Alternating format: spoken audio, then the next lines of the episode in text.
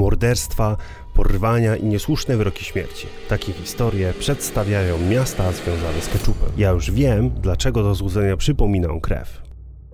Niestety, ale odcinek zaczniemy od bardzo smutnej wiadomości. Nie ma miasta Tortex. Wprawdzie nie jest on dzisiaj moim ulubionym sosem, ale przez lata gościł on w lodówce moich rodziców i najpewniej psuł nasze zdrowie. Przez niego mam na przykład żylaki na nogach. Przenieśmy się do miasta Międzychód, a tam w średniowieczu panowało prawo miecza i wyroki sądowe wykonywano na miejscu. Służył do tego stojący na rynku pręgierz oraz szubienica postawiona za miastem na wzniesieniu. Jak wspominają księgi, w tym miejscu palono także czarownice. Czyniono to aż do momentu, kiedy strącono niewinnego chłopaka, który pracował u miejscowego karczmarza, a w jego przybytku kilka razy z kasy zniknęły pieniądze. Podejrzenie padło na chłopaka, który od razu został okrzyknięty winowajcą. Stracono go na szubienicznej górze, a zaraz po tej sytuacji okazało się, że był niewinny a kasę podkradał nie kto inny jak syn właściciela. Ponieważ jednak właściciele miasta za nic nie chcieli się przyznać do błędu przy osądzaniu młodzieńca,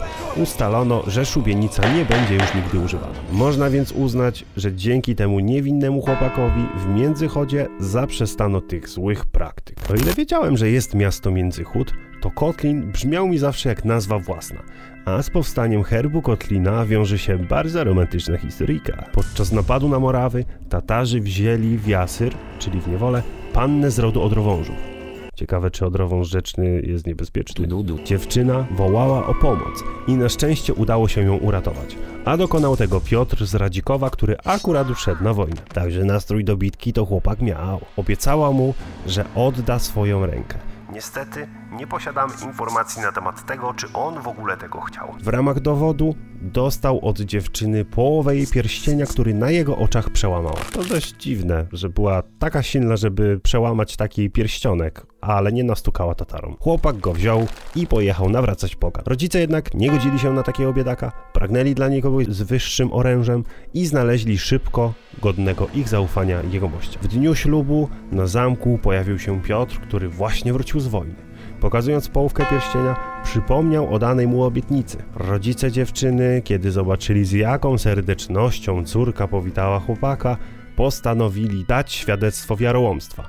Bogaty chłopak został kopnięty w dupę, a Piotr z Radzikowa przyjął nowy herb i zyskał żonę. Trzecie miasto, czyli Włocławek, to jedno z najstarszych miast w Polsce. Jego początki sięgają X wieku, a prawa miejskie uzyskał on w 1255. Mieli oni czas, żeby wykminić recepturę na pyszny keczup. Jeden z synów księcia kujawskiego nosił imię Wodzisław, a polska odmiana tego imienia brzmiała Włodzisław. Według legendy, kiedy szukał on miejsca do założenia osady, spotkał w lesie gryfa. Ten pozwolił mu założyć gród i obiecał go strzec, ale pod warunkiem, że ludzie będą dbali o las. Długo udawało się szanować puszczę, ale jak do lasu dobrali się biskupi, to zarządzono masakrę piłą, niemechaniczną, bo wtedy nie było pił mechanicznych, ścięto większość drzew i postawiono mury miejskie. Przysięga została złamana, a zaraz później miasto zostało napadnięte. Gryf ostrzegł mieszkańców o planowanym ataku, ale to... Ale to by nic nie dało i tak, on miał, to by nic nie dało, No, nawet jakbym wygrał. wygrał. Miasto zostało doszczętnie spalone, ale mieszkańcy przeżyli. Gdy miasto zostało odbudowane,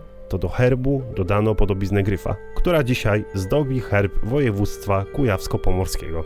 W Polsce ogólnie panuje taka tendencja nazywania keczupu od nazw miejscowości i tak mamy jeszcze na przykład, uwaga, Pudliszki, jest to wioska, oraz Parczew. Są też takie chwalebne, na przykład na cześć jednej z rodzin serialu Klan, czyli Lubicz, oraz dedykowany sos dla fanatyków wędkarstwa, czyli Mikado. Teraz możecie zobaczyć przykładowe wędki, które robi ta firma. A jaki jest wasz ulubiony ketchup, moi mili? Dajcie mi znać w komentarzu, ja bardzo chętnie się z wami na ten temat pokłócę. Słyszymy się za tydzień, trzymajcie się, na razie,